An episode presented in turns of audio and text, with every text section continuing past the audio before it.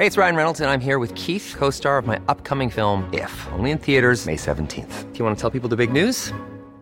All right, I'll do. Sign up now and you'll get unlimited for $15 a month in six months of Paramount Plus Essential Plan on us. Mintmobile.com slash switch. Upfront payment of $45 equivalent to $15 per month. Unlimited over 40 gigabytes per month. Face lower speeds. Videos at 480p. Active Mint customers by 531.24 get six months of Paramount Plus Essential Plan. Auto renews after six months. Offer ends May 31st, 2024. Separate Paramount Plus registration required. Terms and conditions apply if rated PG. I'm Sandra, and I'm just the professional your small business was looking for. But you didn't hire me because you didn't use LinkedIn jobs. LinkedIn has professionals you can't find anywhere else, including those who aren't actively looking for a new job but might be open to the perfect role, like me. In a given month, over 70% of LinkedIn users don't visit other leading job sites. So if you're not looking on LinkedIn, you'll miss out on great candidates like Sandra. Start hiring professionals like a professional. Post your free job on linkedin.com/people today. Millions of people have lost weight with personalized plans from Noom, like Evan, who can't stand salads and still lost 50 pounds. Salads, generally, for most people, are the easy button, right? For me, that wasn't an option. I never really was a salad guy. That's just not who I am. But Noom worked for me. Get your personalized plan today at Noom.com. Real Noom user compensated to provide their story. In four weeks, the typical Noom user can expect to lose one to two pounds per week. Individual results may vary.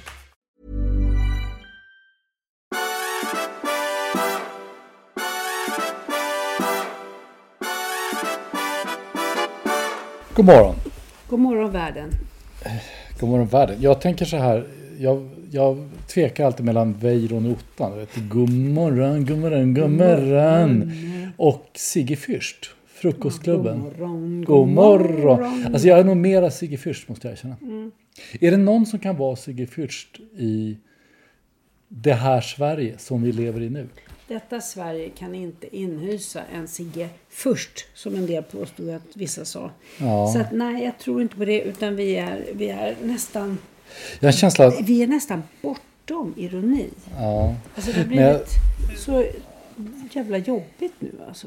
Ja, nu, nu dödar du bussen med en gång här. Jag tänkte fortsätta Okej, lite grann. fortsätt. Alltså Sigge Fürst, jag tänker, jag försökte fundera på om det finns någon person som kan vara Sigge Fürst och så kom jag på att den enda person som kan samla, inte bara Sigge Fürst utan alla sådana här människor som har någonting att göra med det där gamla pilsnerfilm-Sverige. Mm. Det är ju Robert Gustafsson.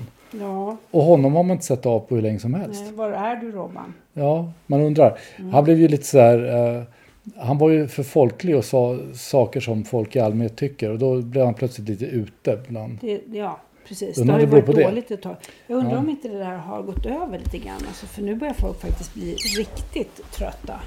Ja, Jag tycker det, ehm, ja, det där med eliterna. Vi måste fundera lite grann på det. eliterna. Eliten, den Ja. liberala eliten. Ja. Ja. Men jag har ingenting emot det, men jag skulle vilja ha en bättre. En bättre version. Mer, mer liberal eller Nej, Bättre bara bättre. Högre kvalitet. bättre? Det är inte, handlar inte så mycket om vad de tycker, det handlar om att det ska vara lite högre kvalitet tycker jag. Ja. på eliterna. Men alltså jag tänkte nu på... ehm, vi- det är tjatigt när man säger någonting. Och sen så känner man liksom två Måste dagar senare. Nej, tvärtom. Två dagar senare så känner man att jaha, där kommer bekräftelsen på det jag sa. Och, och man orkar inte ens säga vad var det jag jag sa. Nu har vi haft kravaller på, eh, i Stockholm ute på, på Järvafältet. Eh, En grupp eritreaner mot de andra.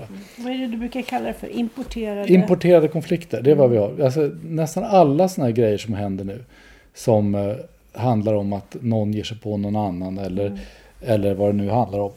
Alltså koranbränningarna, det här på Järvafältet nu. Vi hade ju för lite sedan två klaner som gick loss på varandra utanför eh, I Lund? tågstationen i Lund.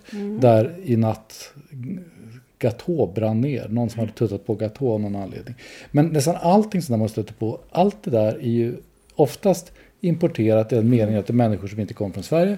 Men också i den meningen att man begriper inte ens konflikterna. Därför att det är konflikter som de har tagit med sig ofta från sitt hemland. Och man har ingen aning om eh, vad som är upp eller ner eller fram eller Kanske bak. från en rural miljö om vi säger så. Jaha, kanske det va. Och liksom, det här med somalierna, det begriper man ju alltså i den meningen att, eller eritreanerna, förlåt, eh, sagt somalier, men eritreaner.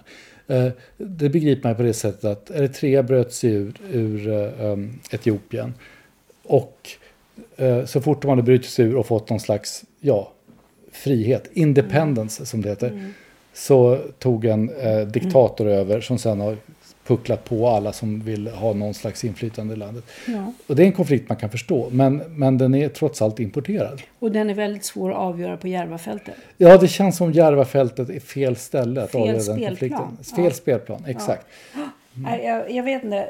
Peter Esaiasson skriver ju ofta intressanta saker, Ja. Mm. gärna i GP. Och eh, när han skrivit en kolumn här i veckan som gick ehm, att vi placerar oss gärna på höger-vänster-skalan efter hur vi ser på orsaken till samhällsproblem snarare än vad vi vill göra åt dem. Ja. Och då menar att liksom eh, den... eh, Var har jag placerat mig nu? Jag undrar genast. Ja, det, det återstår att se. Vi, kan väl, vi Ja. har ju lite tid på oss i den här podden. Ja, har ta reda på det. Ta Ja. reda på det. Men att det handlar om ansvarsfrågan. Om man är beredd att lägga den på individen och säga att det här, så här gör man inte. Eller om det är någon sorts större sam- Struktur. samhällsstruktur. Struktur. Struktur. Ja, så, så det tycker jag, det där tycker jag, det är väl ändå så när vi håller på med det här i årtionden och försöker förstå vad Sverige är, detta Sverige. Att, att det, kan vara, det där är en intressant infallsvinkel. Mm, Vem ser det är ansvaret? Och då ska vi komma ihåg att det inom socialdemokratin har funnits de tre benen. Bilda dig, bry dig och betala för dig. Ja, det. Det har inte varit så eh, toppat på den socialistan på länge. Utan det har varit struktur. Ja. Men det kanske är på väg tillbaka. Alltså Magdalena Andersson Tycker blir... du ser te- tecken? Ja, jag tycker nog det. Alltså Magdalena Andersson, eh, det- de hon sa senast här var att hon är patriot. Hon, eh, Ja. hon, eh, hon, alltså, hon, hon pratar ju mer och mer ett konservativt språk. Sen är ju problemet att om hon skulle få makten måste hon regera med Miljöpartiet och Vänstern. Och det går väl, kommer väl gå sådär. Men, men eh, sossarnas strategi nu det är ju att varna för fascismen och att demokratin är hotad. Och att själva tala som konservativa. En salig blandning brukade vi Ja, eller triangulering eller vad man nu kan man kallar det till alla möjliga saker eh, genom tiderna. Eh, men, men alltså den, eh, det här med förresten triangulering är ganska intressant. Som vi pratar om det som det vore en ny grej som Clinton och Tony Blair kom på. Men Hjalmar Branting gjorde det ju liksom. Han sa att, att eh, okej, näringslivet, vi är för näringslivet och så länge vi kan beskatta er och ni betalar för välfärdsstaten och eh, då gör vi inte revolution och håller vi ordning på våra, våra vänstertyper och sen så ska vi ha demokrati. Och, det var Och så slags, tar man eh, den andres eh, vokabulär och vänder på det. Som Ja. folkhemmet, ett gammalt borgerligt ja, Per Albin. Hansson tog ju liksom nästa steg och gjorde precis det. Ja. Så att det, det är en... Ett, Jag- Jag vet inte hur, om det här säger oss någonting trick. om hur vi ska nej, inte jag heller. Jag bara associerar fritt. Det är frukost, man får väl tänka som man vill när man Man äter får frukost. tänka som man vill bland alla smulor och småfrön. Du, jag tycker, alltså det är många som säger väldigt intressanta saker. Sten Lidmalm i Svenska Dagbladet veckan Ja. som gick eh, påpekar någonting som faktiskt måste inskärpas nu. Stora risker med att ändra lagstiftningen när det gäller ehm, ja, inte bara koranbränning utan eh, fortsatt hur ska vi ehm, se på det faktum att vi låter oss, som det ser ut nu i alla fall, pushas av andra makter när det gäller svensk lagstiftning. Mm. Är det så att man måste dra ett streck här i sanden? Jag tror att jag vet vad du kommer svara. Eh, och Jaså? säga, här, Vad här, intressant, då ska jag fråga det sen. Eller säg vad du tänker. Nej, nej, berätta först vad du tror jag kommer att svara. Jag tror att du kommer att säga att det här är farligt att gå över gränser och du skulle hålla med Sten Widman. Ja. Jo, men det gör jag väl egentligen när man är i det här läget som det är nu. Nu är det ju liksom uppenbart. Ju mer de här fullständigt bizarra förtryckande idiotstaterna som nu tycker att vi är taskiga mot, eh, mot muslimer. Vilket ju också är ett bisarrt påstående eftersom Det är muslimer som är taskigast mot muslimer. Ja, och dessutom är det nästan inga svenskar som bränner koraner. Så att det är ju, allting är ju bara, ett, bara liksom en konstig konstruktion. Men, men det är klart att när de nu bråkar om det så är det klart man inte kan eh, ge vika för det. Sen kan jag säga att jag skulle inte lida särskilt mycket av om Sverige hade haft kvar sina blasfemilagar. Nej. Jag skulle inte tycka att det skulle ha varit så fruktansvärt. Alltså nu, det blir ju också töntigt på den här andra sidan nu när man hamnat i det här läget. Att nu, nu får ju folk det framstå som att om vi inte kan bränna heliga böcker på offentlig plats med polisens tillstånd. Så har vi ingen yttrandefrihet. Så har vi ingen yttrandefrihet. Och det är ju faktiskt med förlov sagt en ganska mm. idiotisk ståndpunkt. Mm. Det är klart att det inte är så. Sen är det en annan sak att det är klart man inte kan, det är klart man inte kan backa för det är klart man inte kan backa för den här typen av tryck. Problemet återigen tror jag är det här att vi avskaffade alla sådana här lagar Därför att det var ändå ingen som skulle bryta mot dem. Nej. Det är inga svenskar som står där ute och bränner koraner eller, mm. eller startar upplopp på Järvafältet eller vad det nu är. Och, och, nu har vi liksom en lagstiftning som är anpassad efter, efter konflikträdda och i grund och botten konformistiska eh, etniska svenskar. Och så har vi ett land som inte alls ser ut så längre. Och då blir det ett problem. Det, det, alltså, Sten Widman tar ju upp eh, andra sidan av det myntet kan man säga genom att säga, peka på alla de som har tagit sig till Sverige för att få leva i en demokrati. Ja. De eh, är ju ganska körda om man får uttrycka sig lite vanvördigt i, om vi inte egentligen är det i alla fall ganska länge och låtsas att vi är. Men, men å andra sidan, det är ju också en importerad konflikt. Därför att, som du påpekar, ja. det här kunde man göra därför man visste att folk skulle ganska mycket hålla sig inom vissa ramar. Jo, men det, finns, nej, men det finns ett par av de här som bränner koraner som ju då är flyktingar och som vars uppehållstillstånd under prövning och sånt där. De, de säger att vi kommer fortsätta med det här tills ni förbjuder Koranen. Och då har man ju inte kommit, om man har kommit till Sverige för att få yttrandefrihet och sen kräver att man ska förbjuda Koranen. Då har man inte mm. fattat riktigt vad det handlar om. Och det är samma sak, jag hörde en intervju idag med någon av de här eritreanerna som hade varit i, i strid på Järvafältet som då säger att vi kommer att fortsätta med det här upproret tills... Uppror undrar man. Ja, tills, eh, eh, tills man förbjuder det här mötet. Mm. Ja, det är ju inte riktigt så det funkar. Eh, det är inte det som är tanken med yttrandefrihet. Så att det är ju lite, det är ju lite komplicerat. Men det är ju återigen, liksom, vi har ju en vi har ju en lagstiftning som är baserad i den historiska tradition som har växt fram, växt fram i Sverige. Mm. Och sen så har vi 20 procent av befolkningen som inte kommer härifrån och som har en helt annan eh, historisk erfarenhet. Och det är klart att då blir det problem. Vi har inte bara importerade konflikter utan numera har vi också importerade historieskrivningar. Jo, men så blir det. Nej, men så blir det ju.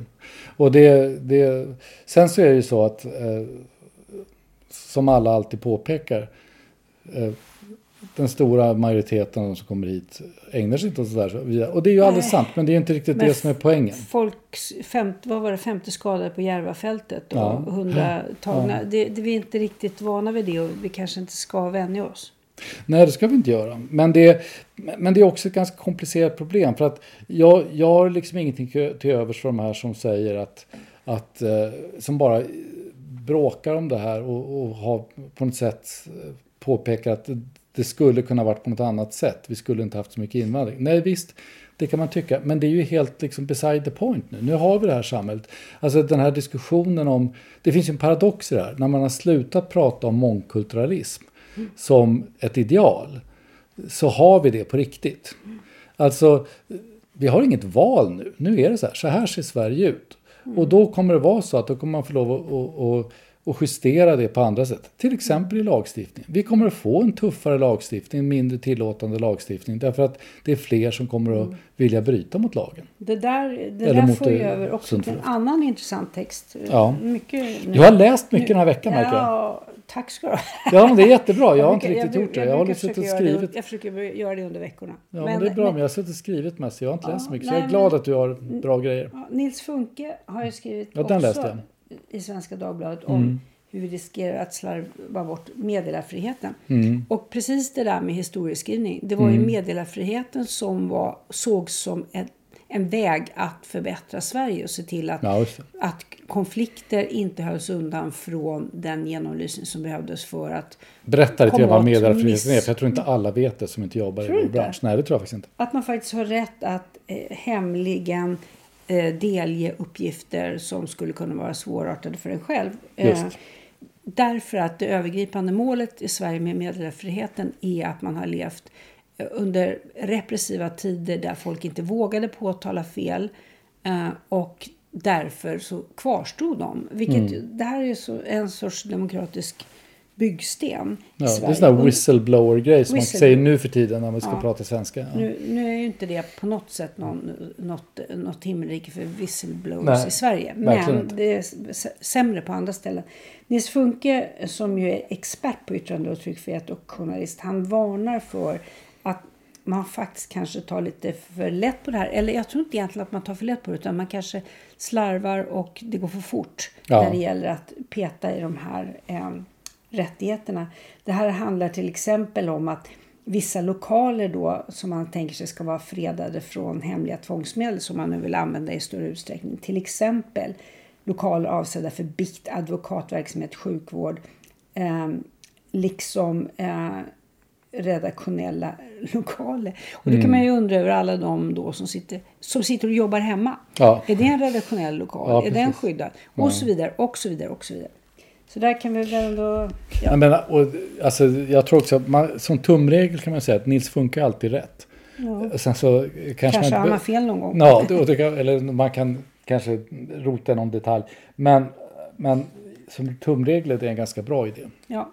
Så jag tror det där ska man ta på allvar. Det är ju någonting, det, det händer ju flera grejer nu. Just det här som, som, som Funke är inne på. Att det går för fort. Eh, alltså man behöver inte vara naiv och, och tro att vi inte behöver justera lagstiftning med tanke på den kriminalitet vi har. Och så. Men, men det är ju ganska viktigt hur man gör det. Och det går som sagt väldigt fort nu. Eh, jag tycker det, är, det, det som diskuteras nu också är ju sådana här angiverilagar. Att man ska vara skyldig till exempel i vård och i skola och sådär. Att, att, eh, att eh, eh, meddela, anmäla eh, eh, illegala flyktingar och sånt där. Och jag måste säga att där, där går verkligen min gräns för vad jag tycker är, är, är eh, ja, helt enkelt anständigt.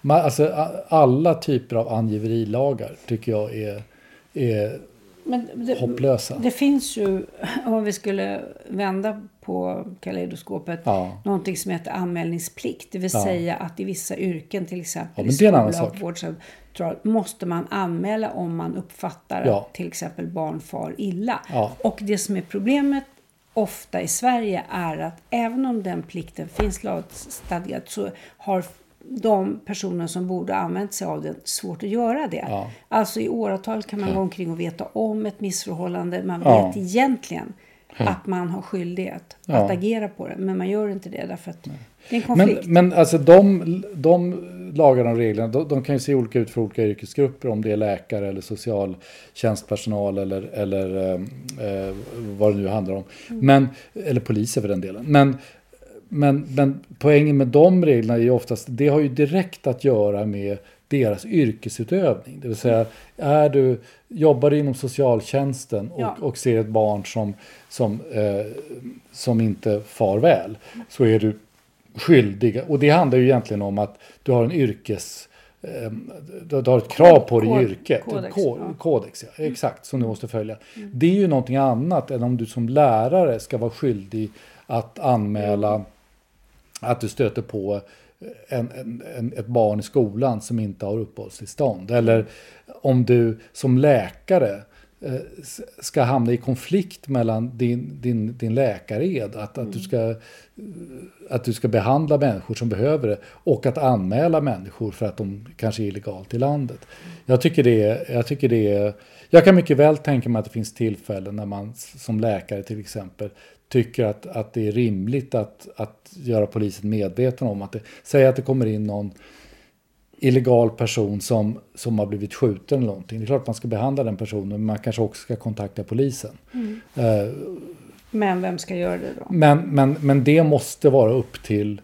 till eh, alltså det, det handlar inte om, om ens yrkesetik, utan det handlar ju om, om eh, någon slags personlig moral. Och det, att tvinga folk att ange varandra, det kan aldrig riktigt vara bra, I det? bra ordning. Nej, det är för mycket Östtyskland. Liksom. Det är obehagligt. Det är obehagligt om man ska skapa den typen av, av miljö, det tycker jag.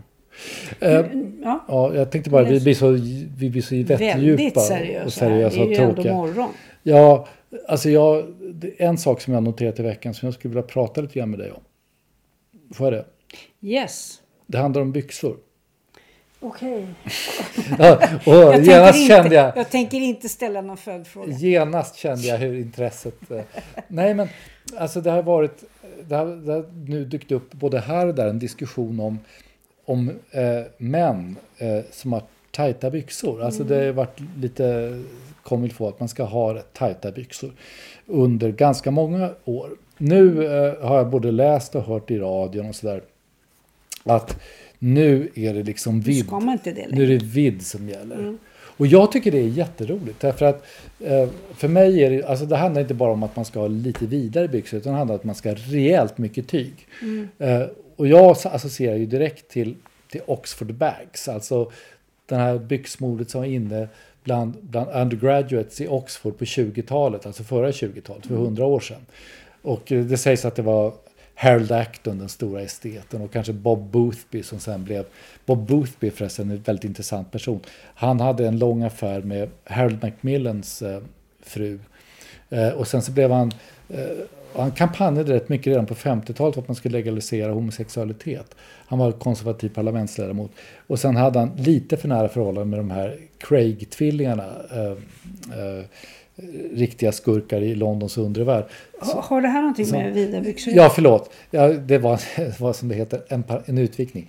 Nej, men Bob Boothby och Harold Acton då, när de var undergraduates i Oxford 20-talet, de sägs ha populariserat det här modet. Man hade otroligt mycket tyg i byxorna. Om man ser bilder på den riktiga Oxford bags, då ser det ut som det herrar i kjol ungefär.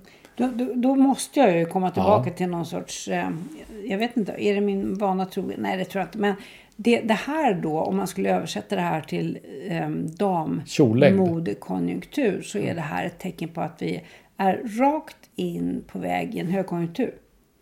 Ja, det borde ju vara så, men är det verkligen så? Korta kjolar, Ja, smala byxor, lågkonjunktur. ja okej. Vida byxor, långa kjolar, högkonjunktur. Mycket tyg, det kostar. Det Ja. kostar att vara med. Kanske är så. Ja. Ja, det är möjligt. Eh, det, vore ju, det, vore ju, det vore ju en bonus. Himla kul. Det vore en bonus. Nej, men ibland, Men jag, blev lite att man- sugen på Oxford bags faktiskt. Jag länge tycker du ska jag köra. hade- Du har rätt mycket tajta byxor. Ja, För, jag har vara- för att snygga... vara du till och med. Men det är för att jag har snygga ben.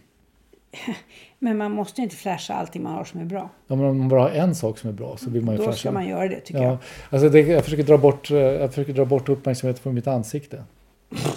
Som är ett typiskt radioansikte kan jag säga. Ett typiskt jag. Nu poddansikte satte du tillbaka uppmärksamheten på ditt Ja. så kallade poddansikte. Mm. Jag, jag tänkte nu innan tiden är, har runnit ut för oss. Tiden är över. skulle jag vilja säga någonting om land kontra stad. Okej. Bara på ett, eh, inte övergripande sätt, utan på ett väldigt specifikt sätt.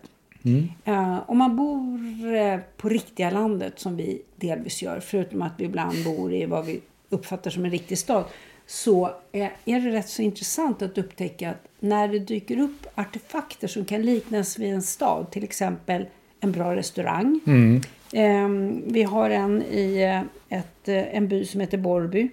En bra restaurang som heter Köpmangatan 6. Mm. Och, eh, och vi har ju på något sätt förstått att det är inte helt okomplicerat för att eh, ibland är det som om man vill hålla kvar den gamla onda tiden när det inte fanns en bra restaurang i Borrby. Och då tänkte jag att det, det, det som föll mig in var ju egentligen det här fina eh, omkvädet. Eh, om man nu har svårt med ett, ett fenomen. Pretend it's a city. Mm. Man behöver inte utgå från att eh, en by ska vara en stad. Men man kan i vissa avseenden stå ut med och låtsas att det här Fran Lebowitz va? Fran Lebowitz, Ja. Fantastisk människa. Ja, Jag tror hon har ganska vida byxor. ja hon, hade, eller ja, hon hade ju en snygg kostym. Hon, hon var ju jättebra när hon fick frågan What's your favorite animal? Då svarade hon steak. Det är bra. Nej, men du har rätt med det här med, med restaurangerna. Jag, jag, jag har noterat samma sak. Och jag har en liten teori om det där också som inte bara har att göra med att, att man inte gillar förändring. Och att man inte, utan jag tror att ehm, svenskar, åtminstone eh, svenskar på landsbygd, så här, de har jobb, de har svårt med det här när man får bra service. För om Det, de, det, det är lite pinsamt. Om de kommer in på en restaurang och folk faktiskt tittar på dem och ler, då känner de sig tvingade att svara på något sätt. Då vill de inte, de vill inte riktigt göra det. Så man vill hellre gå in på en restaurang där folk stirrar.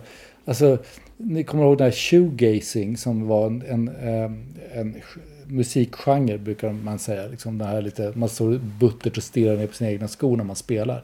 Mm. Uh, alltså shoegazing-restauranger in i Sverige. Där man inte behöver möta personalens blick. Uh, de ler inte mot en. Så man behöver inte man tackar sätt, inte, nej, man, man behöver frågar inte. Man behöver inte interagera med någon. Så att, uh, det tror jag att liksom svenskar gillar. Men mm. det är ju då motsatsen till bra service. Så därför blir det jobbigt för många människor när man får bra service. För man då måste man på något sätt delta. Man måste sluta vara aspig. Alltså. Man måste delta i sin egen middag. Det är för jobbigt. det, är så här, det är lite grann så här, ska... Lämna mig i fred. Är vi här för att äta eller är vi här för att ha trevligt? Ja, ja. Nu, nu ska vi i alla fall eh, vara här för att avsluta detta ja. poddavsnitt. Vi är tacksamma för att ni lyssnar. Ni får gärna höra av er.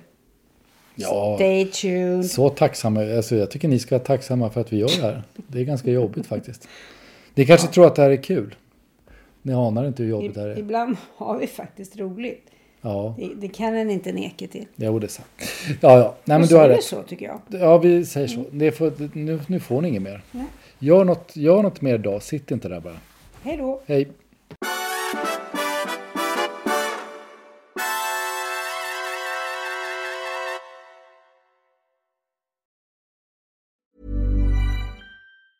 Even when we're on a budget we still deserve nice things.